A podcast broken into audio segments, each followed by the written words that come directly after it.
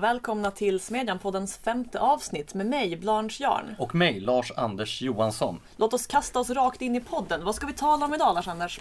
Ja, idag ska vi tala om kårhusockupationen 1968, Galtanskalan som används inom statsvetenskapen och porr. Det kommer att bli balanserat och värdigt. Men först några av veckans nyheter kanske. Ja, det låter bra.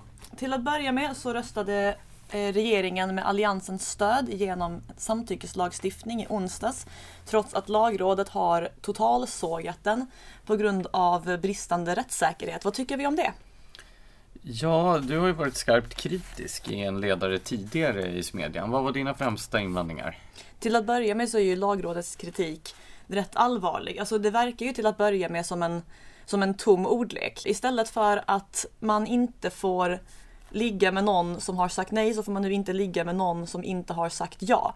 Det är ju precis lika svårt att bevisa sin oskuld respektive någon annans skuld i båda fallen. Men i själva verket är det inte lika tomt som det verkar utan lagrådets bedömning är då att det kommer att leda till fall till fall bedömningar och göra hela systemet mycket mer rättsosäkert. Allt för att regeringen vill ha igenom sin plakatpolitik. Men varför är så många så entusiastiska då inför den här samtyckeslagen?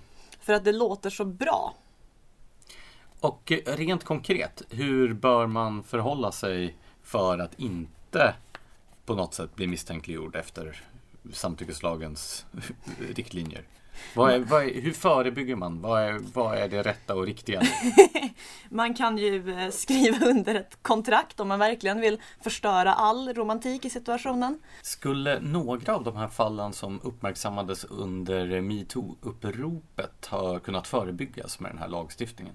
Så det beror ju på hur man ser det. Jag tror att många av det som eh, förespråkar den här lagstiftningen tänker sig att om man lagstiftar om någonting så skapar man eh, normer och uppfattningar. Man liksom bygger ett nytt rättsmedvetande. Men i själva verket så visar ju all erfarenhet att det är lagstiftning som är i linje med det befintliga rättsmedvetandet som fungerar bäst. Och nu är det ju redan en del av vårt rättsmedvetande att man inte bör våldta människor eh, eller trakassera dem sexuellt och så vidare. Eh, och då kan man ju fråga sig om vad värdet i en lag är som redan följer rättsmedvetandet, alltså inte behöver skapa det, men som samtidigt gör eh, rättssäkerheten sämre. Och när vi ändå pratar om rättssäkerhet, då kanske vi ska ge oss på ett, av, ett annat av veckans stora ämnen, nämligen GDPR. Har du möjligen fått något mejl från kanske någon myndighet eller något företag eller någon organisation som garanterar att de eh, tar väl hand om dina personuppgifter. det, det ringer en vag klocka. Jag kan ha fått något. Du då? Jo, jag känner mig väldigt trygg faktiskt. När eh, allt ifrån Rädda Barnen till Interflora har garanterat mig att de bevakar mina personuppgifter. Det här är alltså mejllistorna du är med i? Interflora och Rädda Barnen? Ja, alltså jag betraktar dem som de två ytterligheterna. Okej, med, med väldigt mycket däremellan. Jag försöker ge en bild av mig själv som en snäll och sympatisk person, okej? Okay? Ja, det funkar jättebra. Ja. Eh, det har ju beräknats av kredithanteringsbolaget Intrum att eh, det här GDPR kommer att kosta 2000 miljarder, alltså 2 biljoner kronor för företag i EU att införa, vilket ungefär motsvarar antalet mejl om GDPR jag har fått vid det här laget. Det är ju en helt otrolig siffra. Och Själva syftet är ju då lovvärt, nämligen att man ska garantera EU-medborgarnas integritet. Men den här metoden, den här lösningen verkar ju mer eller mindre absurd. Om jag förstår saken rätt så är det ju dels stora kostnader för företag men framförallt så är det ju den här stora skräcken nu eh, som många organisationer och företag har för att på något sätt misslyckas med att leva upp till de här kraven och då drabbas av jätte jättehöga böter. Alltså det är ju stora och brutala sanktioner som väntar. Ja, det finns ju en skevhet i det också i och med att storföretag som kanske är det som generellt sett hotar integriteten mest ju har enorma resurser att lägga, eh, men, lägga juristresurser på att komma runt det här regelverket medan det som har någon liten webbutik någonstans verkligen sitter i klistret. Och det är inte så himla schysst heller. Nej, och vad skulle du säga? Finns det någon risk att det här kommer att missbrukas av eh, den som vill till exempel ett företag eller en organisation illa? Nej, gud nej. Det, nej, men det här känns representativt för hela det här eh, genombyråkratiserade EU-projektet så som det har, alltså den inriktning som det har slagit in på de senare åren. Där man har en massa idéer om hur problem ska lösas och sen så skapas det bara gigantiska byråkratier som egentligen motverkar sitt syfte. Det är ju knappast så att man känner sig mer integritetsskyddad efter att ha fått alla de här mejlen om hur många det är som sitter på ens personuppgifter. Nej, verkligen inte. Jag, jag börjar misstänka att det knappt finns något företag som inte har min information vid det här laget. Kanske en bra ögonöppnare och för sig. Stigbjörn Ljunggren, statsvetaren, hade skrivit en krönika nu i veckan om att EU förolämpar oss med det här direktivet. Och jag tycker väl att det är en ganska träffande beskrivning av den känsla som infinner sig. Jag tycker det mesta EU gör en förolämpning mot mig. Um, ska vi gå vidare till uh, Timbros egen nyhet? Ja, det handlar om ungdomars självbild. yes, i samband med att vi har publicerat en bok av eh, Benjamin Dosa, MUF-ordföranden, så gjorde vi en eh, undersökning av eh, ungas syn på karriären som bland annat visade att mer än var fjärde under 30 förväntar sig att bli befordrad eller avancera i karriären på något annat tydligt sätt varje år, vilket motsvaras av mindre än var tionde person i den sunda åldern 50 till 64. Jag tyckte i och för sig att det allra mest uppseendeväckande med den här undersökningen var att bland personer under 30 så um, anser sig 42 procent har rätt att inte bli kritiserade i sitt arbete. Det här, den här hyperkänsligheten har ju spridit sig till alla åldersgrupper och det är ju jättesorgligt att se. Och vad ska vi göra åt detta? Kritisera folk mer för att det som inte dödar en gör en kränkt. Och blir man kränkt tillräckligt många gånger så lär man sig hantera det. Mer jantelag helt enkelt. Jag vet inte om det var riktigt vad jag menade men, men om, du, om du testar det så testar jag kränkningarna. Sen har ju eh, Feministiskt initiativ också gjort ett säkerhetspolitiskt utspel i veckan. Det i sig är ju en nyhet. Typ. Ja, och eh, de eh, förespråkar en ganska oortodox linje i, i eh, försvars och säkerhetspolitiken, skulle man kunna tro. Å andra sidan, så, om man tittar på hur svensk säkerhetspolitik har bedrivits sedan millennieskiftet så är det väl ganska i linje med vad som förespråkas. Det är kanske lite avantgarde fortfarande, men pretty much. Det tycker att Sverige bör rusta socialt, inte militärt. Och det handlar alltså inte ens om att kärnvapen bestyckar Försäkringskassan, utan ja, vad handlar det egentligen om? Ja, de har ju en hypotes där som går ut på att ju fler vapen desto mer våld. Och utifrån den så ska Sverige dels avrusta sitt eget försvar och eh, dels sluta sälja vapen till andra länder i världen för att på så sätt bidra till att minska det totala våldet i världen. Men det är ju sant för innan eh, skjutvapen uppfanns så brukade ju människor inte våld mot varandra. Det var ju en fantastisk tid i mänsklighetens historia. Dessutom så känns det väl ganska osannolikt att de stater då som använder vapen skulle sluta köpa vapen för att Sverige slutade exportera dem. Eller att eventuella krigförande makter i Sveriges närområde skulle bli mindre krigförande av att Sverige då inte hade något eget nationellt försvar. Nej men idén här är ju att man vill anamma manetens överlevnadsstrategi. Att man tänker sig att om man bara gör sig tillräckligt osympatisk. Slemmig och genomskinlig. Nej men om man gör sig tillräckligt så här näringsfattig och onödig att ens försöka äta upp så kommer ingen försöka. Det är ju bara det att så kommer ju inte Ryssland att tänka ifall den vill åt någonting på andra sidan Sverige. Ja, ska vi gå vidare till den sista nyheten? Vad är den sista nyheten? Aftonbladet Kultur har meddelat att de kommer att sluta dela ut den så kallade hummerkniven. Som ju är ett pris som delas ut till riktiga liberaler. Alltså då liberaler som har fått sin, liberala, sin liberalism godkänd av Aftonbladets marxist-leninistiska kulturredaktion. Så vi kommer aldrig att kunna få hummerkniven? Vi kommer aldrig att kunna få hummerkniven. Ska vi bara lägga ner? Nej, men det är ju lite tråkigt för det har ju varit ändå ganska praktiskt att se vilka som titulerar sig liberaler som då har, som blir glada av att få sin liberalism certifierad av marxist-leninister. Det är ju ändå en ganska bra kompass på något sätt. Ja. Skulle du vilja bli certifierad av Aftonbladets kulturredaktion? Alltså jag har ju alltid gillat tanken på att få ett pris och sen tacka nej till det och ge någon fingret. Fast här är det ju, skulle Men- du vilja vara liksom eh, leva upp till Aftonbladets kulturskriterier för en äkta liberal? Nej, alltså det skulle ju vara som att få en hink ruttna tomater kastade i ansiktet. Men eh, det finns nog en del som är besvikna nu som gärna hade velat få den. Ingen nämnd, ingen glömd. Ska vi gå vidare till kårhusockupationen? Ja, Berätta lite om den. I torsdags så var det 50 år sedan eh, då vänsterstudenter på Stockholms högskola som det hette på den tiden ockuperade sitt eget kårhus i protest då mot de utbildningsreformer som Socialdemokraterna ville genomföra 68-69. Det låter logiskt. Och inspirerade naturligtvis från de franska studentprotesterna som hade ägt rum där en massa radikala studenter hade slagit sönder universitetsområden och satt byggnader och barrikader i brand. Och i Sverige så gjorde man en slags mellanmjölksversion av samma sak.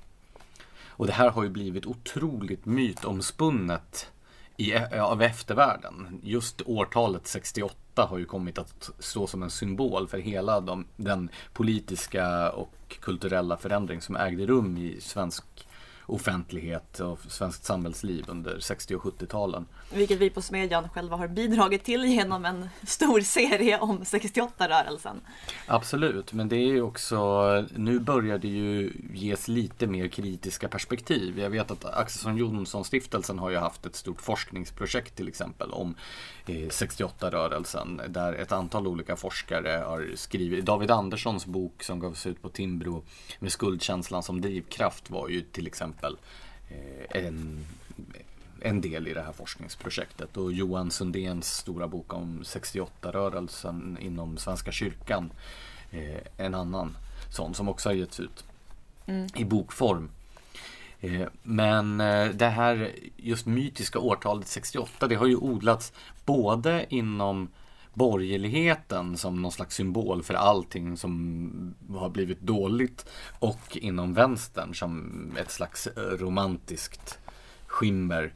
Men är det inte en symbol för allt som blivit dåligt? Ja, allt som blivit dåligt skulle jag väl inte säga. Men däremot så kan man väl beskriva den här rörelsen som eh, blossade upp där i slutet på 60-talet som, eh, den var ju liten men blev otroligt inflytelserik efterhand. Så att man kan säga att den här beskrivningen av 68 och 68-rörelsen den är både överdriven och korrekt på samma gång. Den är överdriven om man tror att det pågick någon jättestor revolt där alla människor var vänsterorienterade och var ute på gatorna och demonstrerade eh, i slutet på 60-talet. Så var det inte. Det var en ganska liten grupp. Det var till exempel borgerlig majoritet vid Stockholms studentkår på den här tiden.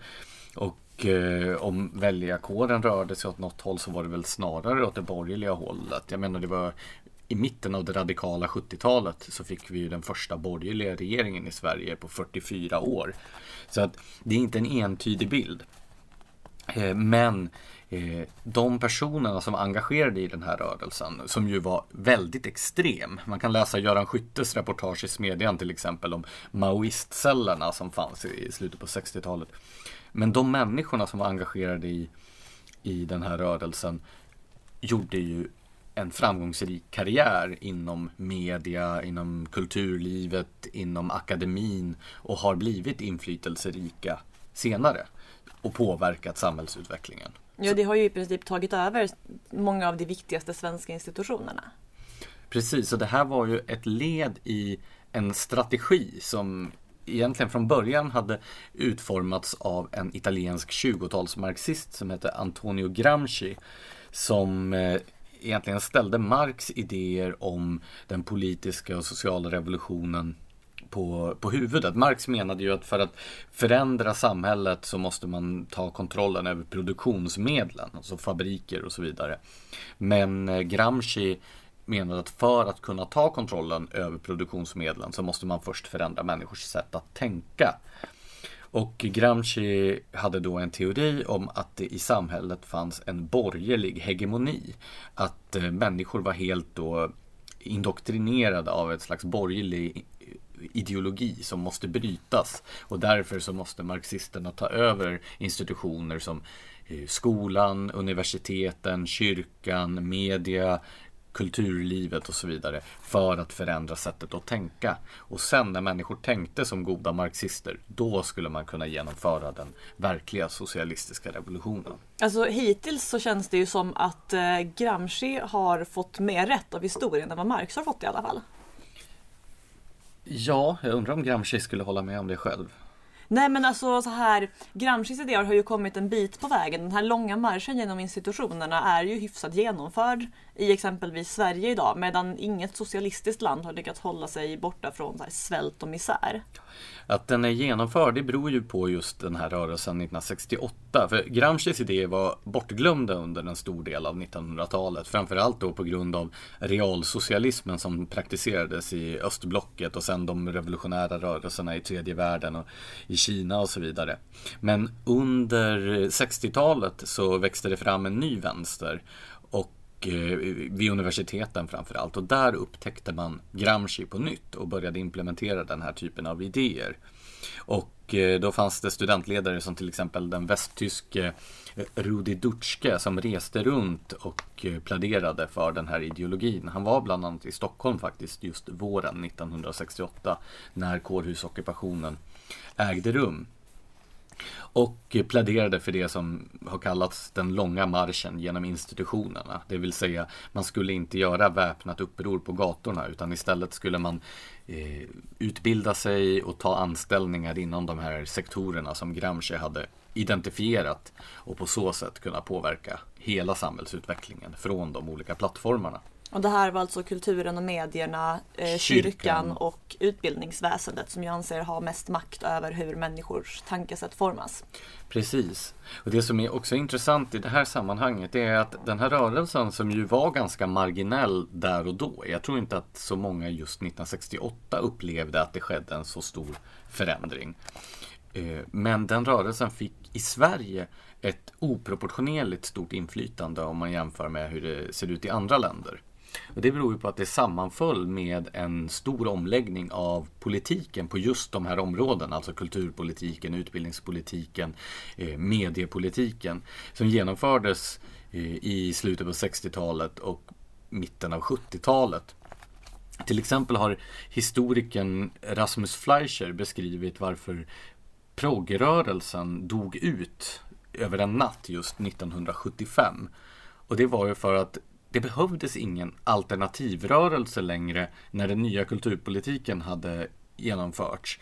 Eftersom då kunde alla de här proggarna få anställningar i den offentligt finansierade kultursektorn. Var det inte någon som beskrev eh, när TV2 startades som att när progrörelsen hade gått vilse inne på Radiohuset eller något liknande?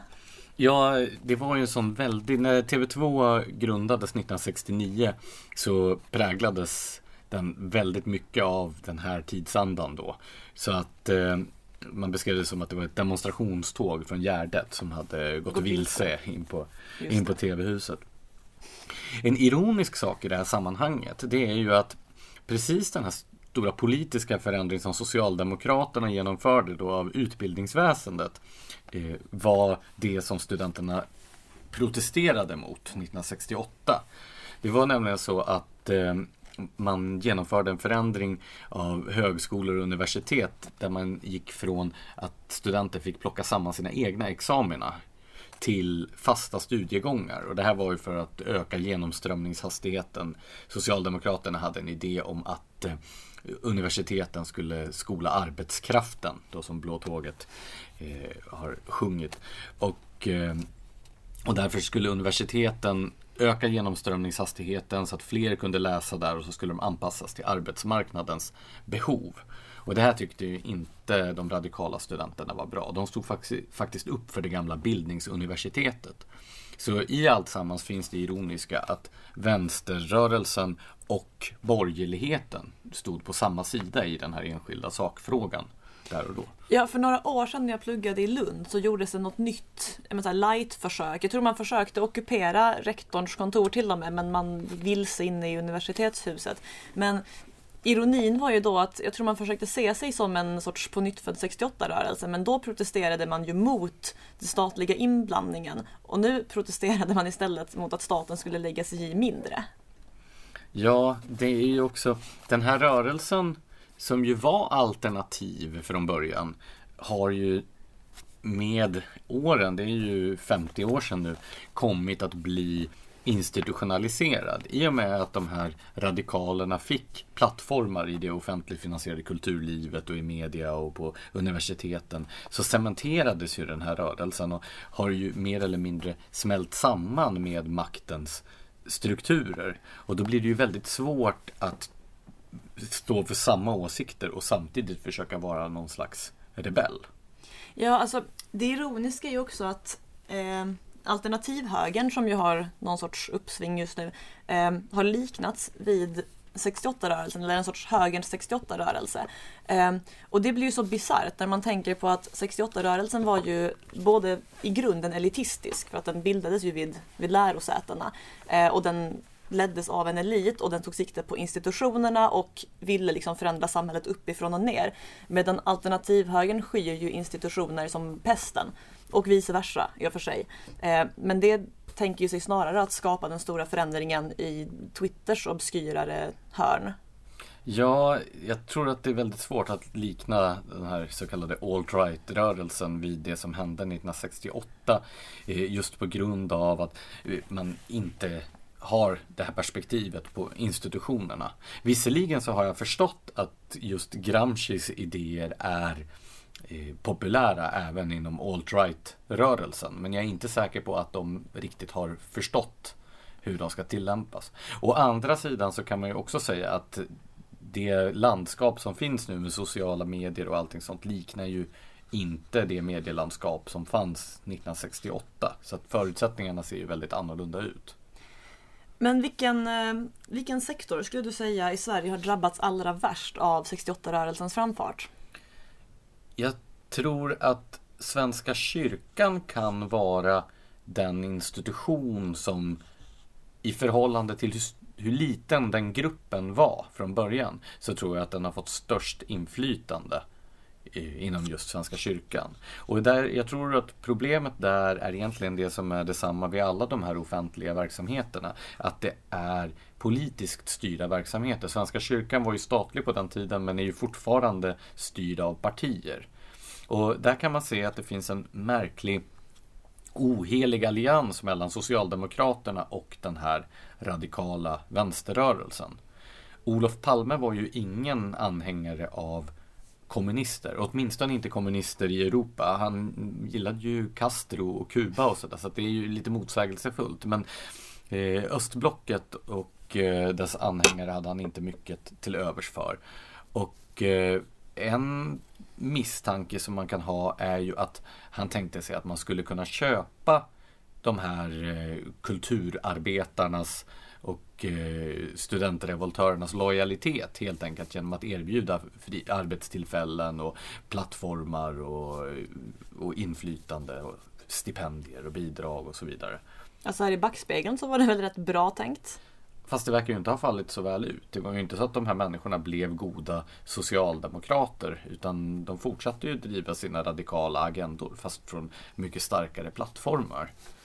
Jag tror att fram till och med 68-rörelsen så funkade det rätt så bra. Socialdemokraterna hade under lång tid arbetat aktivt för att knyta kultursektorn nära eh, det socialdemokratiska partiet. Till exempel fanns det någonting i Stockholm som hette Kulturarbetarnas socialdemokratiska förening som ordnade den där typen av fester och liknande på Harpsund där partitopparna och eh, kända skådespelare och regissörer och författare fraterniserade med varandra. Då. Lite som Tony Blair och eh, Gallagher-bröderna. Ungefär på det sättet. Fast mycket mer systematiserat. Så eh, jag är inte säker på att Palmes strategi där funkade. Snarare var det så att han gödde den här alternativa vänsterrörelsen och cementerade den. Alltså jag, jag köper att kyrkan skulle vara den eh, institution som blivit mest påverkad i förhållande till sin storlek och så. Men jag funderar på om de här idéerna ändå inte har gjort allra mest skada inom skolan. Eh, förra året så intervjuade jag Magnus Henriksson på Institutet för näringslivsforskning eh, och vi talade väldigt mycket om hur eh, den postmoderna kunskapssynen har kommit att påverka skolväsendet. Alltså idén att allas eh, upplevelser, och erfarenheter och tolkningar och åsikter är eh, lika mycket värda. Eh, och det gör ju att den meritokratiska hierarkin i ett klassrum bryts ner. För det, det, finns ju en hierarki där vad läraren säger har ett högre värde än vad eleverna säger för att läraren åtminstone i teorin har koll på sitt ämne. Um, men ifall nu elevernas synpunkter ska vara lika viktiga då försvinner ju den här hierarkin som i grunden är bra. Och vad Magnus Henriksson menar um, det är att det finns hos barn och unga en längtan efter en sån här hierarki som är byggd på meritokrati där den som presterar också klättrar. Det är ju en sorts bekräftelsesystem.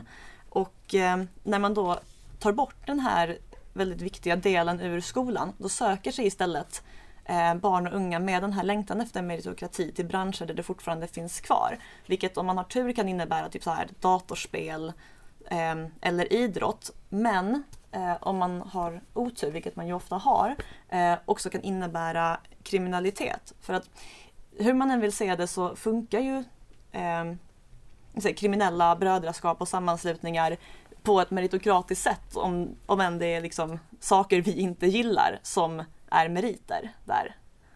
Det finns ju också en motsägelse i den här eh, antihierarkiska strävan eftersom den här rörelsen eh, 68-rörelsen, man kan även säga att en del av den feministiska rörelsen har gått i sin egen fälla på samma sätt. De har både velat ta över institutioner och undergräva samma institutioner. Man har kämpat mot institutionerna och deras förutsättningar och man har velat ta över dem. Och konsekvensen har blivit när man då har vunnit båda de här striderna är att man har tagit över institutioner vars förutsättningar man redan har undergrävt. Jag kommer osökt att tänka på Svenska Akademin. Ja, den är ett tydligt sådant exempel. Det var ju redan på 80-talet som de här eh, postmoderna idéerna började att influera Svenska Akademin. Det här har vi pratat om i ett tidigare poddavsnitt. Så vi behöver kanske inte fördjupa oss jättemycket i det. Men där kan vi också se hur detta har undergrävt akademins trovärdighet och hur besvikna också en del av de då som har lyckats ta sig in genom nålsögat verkar vara över att inte ha samma status. Och eh, jag, tänk, eh, jag kan väl se en del sådana tendenser i Ebba Witt-Brattströms utläggningar om Kulturmannen också. Att det kan finnas ett mått av en besvikelse över att när hon då som kvinna har tagit sig så långt till en uppburen position i kulturlivet som hon ju har gjort så har hon ändå inte samma glans och status som då motsvarande män hade för hundra år sedan i det kulturlivet. Eftersom man inte bara, man har inte bara klättrat upp på piedestalen utan man har först vält omkull den. Och då är det ju inte lika kul att vara på den. Jag tycker lite synd om Ebba Witt-Brattström nu. Eh, ska, vi, ska vi låta dessa ord avsluta vårt segment om kårisockupationen och gå vidare till eh, Galtanskalan som du har sågat? Ja, den här skalan är ju ett försök att nyansera det politiska landskapet utifrån fler parametrar än bara då höger-vänsterskalan. Och eh, jag kan se varför det finns ett sådant behov. Det är bara det att de här polerna på den nya axeln som man har infört, alltså gal och tan, stämmer ju inte med de åsiktskomplex som dominerar i debatten. Eh, om vi bara ska sammanfatta då. GAL står för Green Alternative och Libertarian. Och eh, TAN står för eh, Traditional, eh, Authoritarian och Nationalistic. Och eh, det här är ju då helt uppenbart så som vad ska man säga, progressiva innerstadsliberaler vill se på sig själva, alltså det första lägret. Man betraktar sig som grön, alternativ och frihetlig. Och statsvetare som använder sig av den här skalan brukar ju då vara snabba på att knuffa in då Miljöpartiet, eh, Feministiskt initiativ och eh, i viss mån Centerpartiet i det här galhörnet. Eh, samtidigt då som man identifierar då de som den här gruppen ogillar allra mest kletar man ihop åt andra hållet och då ska de vara någon slags traditionalistiska auktoritära nationalister. Alltså någon slags nidbild av en Sverigedemokrat. Sådär. Men problemet är ju dels då om vi börjar med gallägret. Det är ju, om man tittar på den, den konkreta politiken så är ju just Miljöpartiet och eh, Feministiskt initiativ de allra mest auktoritära partierna i i politiken med mest förbud och regleringar och eh, in, frihetsinskränkningar på agendan. Ja, jag kommer att tänka på Miljöpartiets eh, kulturpolitiska manifest där det till exempel fastslog att kulturen ska vara en betydelsefull del i en grundläggande omställning av samhället och att alla styrelser och personal på kulturinstitutionerna skulle indoktrineras i intersektionalitet och postkoloniala teorier. Det låter inte jättefrihetligt. Och omvänt eh, alltså i Nazityskland så hade ju Alltså djurrättsrörelsen där var ju stark. Det fanns ju väldigt bra djurrättsskydd.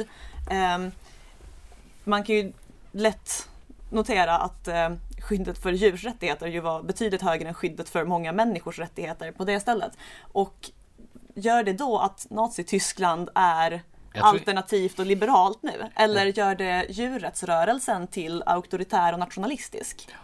Ja, det här andra lägret då, tanlägret, det är ju lika felaktigt eftersom det inte finns någon alls självklar koppling mellan traditionella värderingar och en auktoritär nationalistisk politisk åskådning.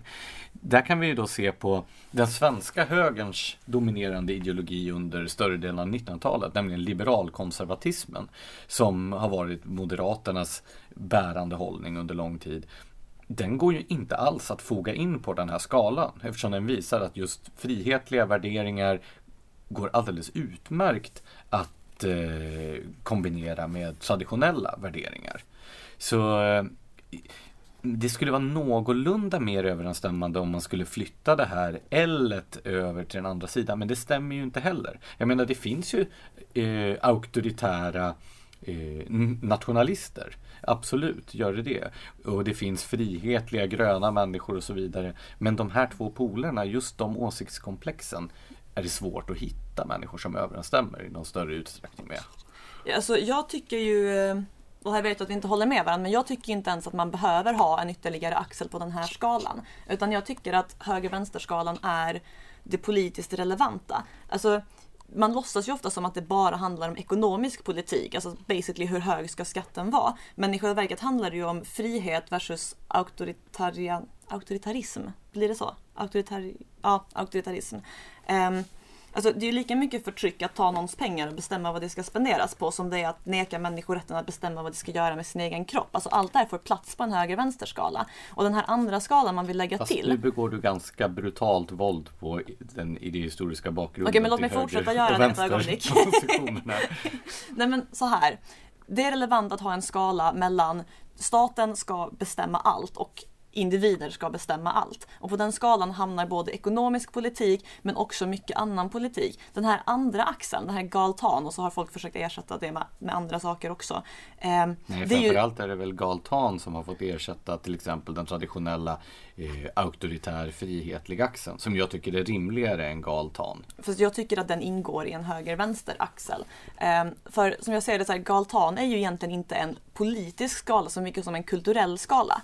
Det där handlar ju snarare om kulturyttringar och värderingar som inte behöver vara knutna till politik alls.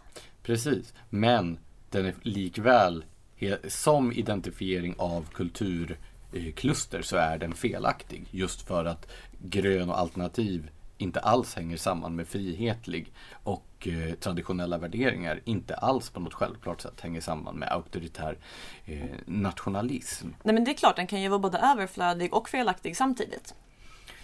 Men eh, jag kan nog ändå se ett värde i att man eh, nyanserar och tillför fler dimensioner men kanske inte en som är så tydligt tendensiös. Det är väl det också som är problemet. att Det här är ju en normativ skala. Man skulle kunna säga att den mer manifesterar hur de som för fram den här skalan skulle vilja att de politiska konfliktlinjerna ser ut än hur de verkligen ser ut. Framförallt hur du skulle vilja att väljarna såg på de politiska partierna. För om man kan så här nationalism smeta alla traditionalister och eh, själv claima att alla ens egna gröna auktoritära förslag är liberala, då sitter man ju rätt bra till.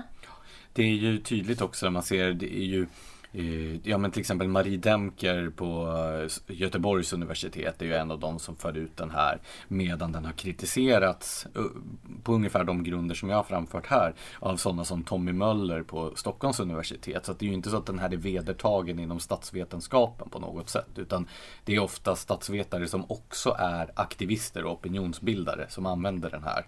Och då får man väl skilja på när de har statsvetarhatten på sig och när de har opinionsbildarhatten på sig. Fast det är ju inte alltid det själva skiljer på det. Nej, det är klart. Men... ehm, Men det finns en annan axel jag tror skulle vara användbar när jag verkligen tänker efter. Eh, och det är den här skalan mellan konservatism och radikalism. Alltså ändra så kan man ju oavsett vilka politiska åsikter man har vilja genomföra dem så långsamt som möjligt för att inte skada samhällsorganismen. Eller så kan man vilja genomföra dem så fort som möjligt för att det är fel att vänta. Liksom. Det vill säga konservativ versus revolutionär i princip. Det är ju en intressant axel även om den inte är så användbar på politiska partier för att de alla ligger någonstans hyfsat mycket i mitten och vill ha liksom, reformer men med förnuft typ. Ja, det där är ju en viktig poäng, nämligen att konservatismens motståndare är ju inte liberalismen utan radikalerna. Och liberalismens motståndare är ju inte konservatismen utan det är ju olika former av auktoritära och kollektivistiska ideologier. Så kon- eh, kollektivistisk och auktoritär konservatism är ju helt oförenlig med liberalism. Samtidigt finns det ju liberalism som är väldigt mycket mer kollektivistisk och auktoritär än vissa former av konservatism eller liberal konservatism. Ja, det är sant. Men eh, vad tror du, kommer det här Galtan-entusiasterna att lyckas lura i resten av oss och sina väljare att den som är traditionell måste vara nationalist och att den som är liberal måste vara grön och alternativ?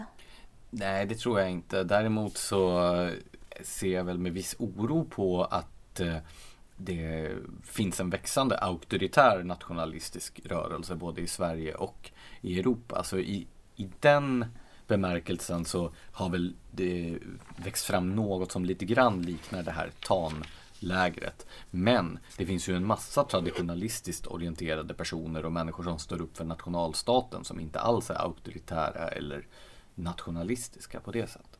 Nej, och så är det ju återigen på många sätt en kulturell grej snarare än ett politiskt ställningstagande att räkna sig till det här TAN-lägret till exempel. Men framförallt så tycker jag att det är beklämmande att man försöker göra anspråk på att de här eh, gröna och alternativa progressiva skulle vara frihetliga när det är de som mest av allt vill eh, inkräkta på egendomsrätten och privatlivet och så vidare. Ja, precis. Är vi, är vi nöjda med det här ämnet nu?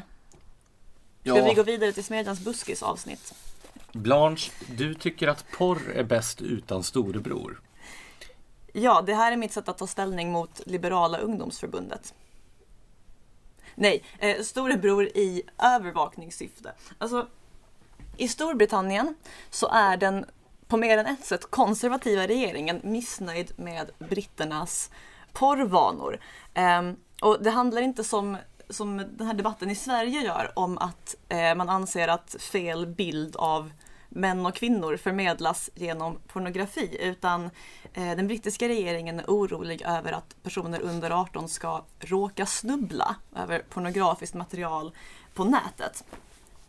Så för att eh, rädda det här eh, av misstag pornografinyttjande 17-åringarna eh, från sitt öde så vill eh, regeringen införa ett, eh, ett krav på webbsidor som tillhandahåller pornografiskt material att det ska verifiera tittarnas ålder. Och det här sker ju förstås genom att man verifierar vilka det är och kontrollerar detta.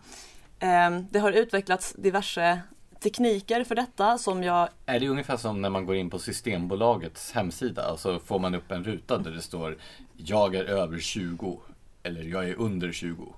Och är man dum nog att klicka på att man är under 20, om man nu är under 20, det är kanske lika bra att man inte dricker. Nej, alltså jag tror det här är mer åt bank-id hållet. Att du ska kunna bevisa att du är över 18. Ehm, och ehm, det och, här det, kan och ju... det här gäller alla alltså? Precis. Eh, och det här kan ju verka lite, lite otrevligt för den som inte gillar att eh, ens porrvanor lämnar digitala spår online. Men då har eh, den brittiska regeringen en lösning för dem också. De kan ta sitt körkort eller sitt ID-kort eh, och gå till sin lokala kiosk och köpa ett porrpass. Ett porrpass? Ett porrpass. Och där står det en kod som de kan använda för att komma runt den här spärren och eh, utan storebror då eh, titta på Då infinner ju sig genast frågan hur kontrollerar man att inte överåriga köper ut porrpass till minderåriga? Nej, men jag tänker att det kommer att funka ungefär lika bra som Systembolagets kampanj mot att eh, eh, överåriga inte ska köpa ut eh, alkohol åt minderåriga. Nämligen att man gör filmer om värdet av att kunna stå emot när lilla syster vill ha ett porrpass från Pressbyrån. Men skämt åsido, det måste finnas en plan för just det, den uppenbara Nej, jag tror inte risken. det gör det. jag tror faktiskt inte det. Utan Så det kommer att uppstå en svart marknad för porrpass? ändra det. eh, Eller så tror jag att det här kan leda till ett stort uppsving för eh, den tryckta pressen som ju länge, kanske framförallt eh, i den här branschen, har varit överskuggad av sina kusiner online. Du menar att porrtidningarna kommer att komma tillbaka på bred front i Storbritannien? Jag tänker det. Då kan man förstås införa en åldersgräns på dem också. Men jag har ju förstått att generationen som föregick min hade en, en bra och kreativ lösning på det också. Du tänker på den så kallade skogsporren som ofta diskuteras på Smedjans redaktion. och som fortfarande låter så obehaglig. Det är exakt vad jag tänker på. Eh, och du som var med när det begav sig. Ja, skogsporr var då ett ökänt fenomen under vad jag förstår framför allt 1980-talet som ju var porrtidningarnas gyllene decennium i Sverige. Eh, och det var ju människor som hade gömt sina lager med porrtidningar ute i skogen. Förmodligen kan man tänka sig att det var kanske folk som bodde hemma och inte ville bli påkomna av sina föräldrar eller gud vet vad. Så därför så hade de gömt det. Och då var det ju en, eh, en stor lycka för de som lyckades känna till de här porrgömmorna som fanns ute i skogarna. Och eh, dessutom så blev det ju ett slags, eh, ett slags fördel. Den som kände till sådana här, det är ungefär som kantarellställen kan du tänka dig. Att man, man, Jag vet ju vad jag helst skulle snubbla över i skogen av kantareller och gamla använda porrtidningar. Men det, eh, det, vadå, gamla andra, det är som ett bibliotek liksom. Fast du behöver en eh, skogsporrkoordinator som kan uppge var någonstans du kan hitta dem där. En skogsporrkansler. Däremot om vi då ska lämna 80-talet därhän och eh, bruka lite allvar angående det här. Eh, finns det ändå inte någonting jag tänker 17-åringar är väl kanske inte ett problem om de eh, råkar snubbla över Eh, en porrsida på nätet. Men just det faktum att även mindre barn eh, kan råka ut för att eh, hamna på ja, vilken typ av hemsidor som helst. Vad ska man, hur ska man hantera den frågan? Ja, alltså, ibland när staten inte uppfyller sina föräldraplikter gentemot medborgarna så har ju ofta medborgare verkliga föräldrar som skulle kunna sköta det ansvaret själva. Ehm, och sen så vet jag inte hur vanligt det är att minderåriga personer snubblar över det här materialet. Alltså det finns inom mig en misstanke att man ibland kanske söker upp det Ja, fast nu aktivt. pratar jag inte om typ 17-åringar utan jag pratar om barn här. Nej men jag tror det här har krupit neråt i åldrarna. Eh, Men hur som helst, min poäng är att det är inte statens ansvar att hålla koll på sådana här saker. Det är liksom ett föräldraansvar och det blir Du tycker bara alltså att det är obehagligt familjerna som ska ta ansvar för sina barns uppfostran? storebröderna och så Det är cirkeln sluten. väldigt reaktionärt Blanche. Är jag nu även auktoritär, nationalistisk? Vi får eh, höra av oss till statsvetenskapliga institutionen i, i eh, Göteborg och fråga om eh, Och be om en diagnos. en diagnos på Galtanskalan. Tyvärr så tror jag att det här gör att du inte hade varit aktuell för hummerkniven ens om den hade fortsatt att delas ut. Vi behöver nu ta en paus så jag kan lägga mig i fosterställning och bearbeta detta. Men eh, har vi någonting mer? Vill- eh, Vill du skicka någonting med till Torypartiet till exempel? Angående deras porrpolitik?